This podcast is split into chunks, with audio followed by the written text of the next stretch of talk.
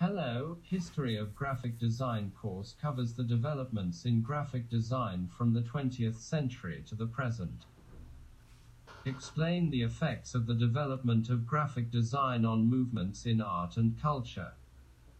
The effects of 20th century industrial revolution on visual communication, the arts and crafts, Art Nouveau movements, the first half of the 20th century, the modernist era, Bauhaus and new typography. Modernist approaches in America, typographic approaches in the information age and globalization process, the New York School, corporate identity and new visual communication systems, postmodernism and graphic design. Digital revolution and beyond the 20th century to the present day by examining the important events in the field of design trends in the history of graphic design is taught Basilica Developments. Hope to see you in class. Bye.